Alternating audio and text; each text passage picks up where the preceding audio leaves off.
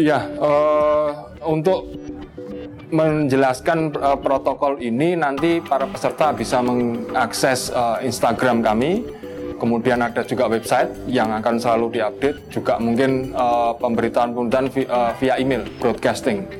Nah, jadi kita minta para peserta selalu memonitor dan selalu mengupdate uh, informasi terbaru uh, dari kami yang melalui media-media resmi tadi nanti kita akan beritahukan uh, melalui broadcasting lewat uh, apa email uh, media mana yang bisa diakses oleh para peserta untuk mendapatkan penjelasannya.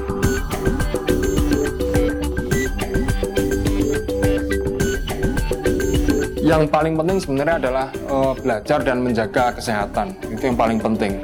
Yang kedua adalah uh, kita akan meminta juga mereka memonitor uh, kesehatan mereka. Uh, mudah-mudahan bisa kita segera uh, beritahukan uh, bagaimana caranya mereka bisa memonitor uh, kesehatan sehariannya.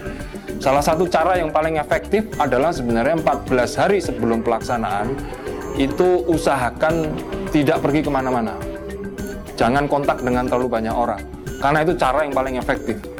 Jadi kalau saya jadi siswa gitu ya akan ikut UTBK 14 hari ke depan, maka mungkin hari ini saya akan uh, ya tidur aja di rumah gitu ya belajar jaga kesehatan olahraga sedikit gitu tidak terlalu berat-berat minum vitamin makan yang tertib kemudian tidak uh, yang satu hal lagi ya tidak boleh begadang karena begadang itu sangat cepat menurunkan imunitas ya jadi peserta uh, cukup mempersiapkan diri di rumah. Tidak perlu ada survei nanti kita akan beritahukan di mana lokasinya dengan jelas. Melalui media-media yang nanti kita akan uh, berikan gitu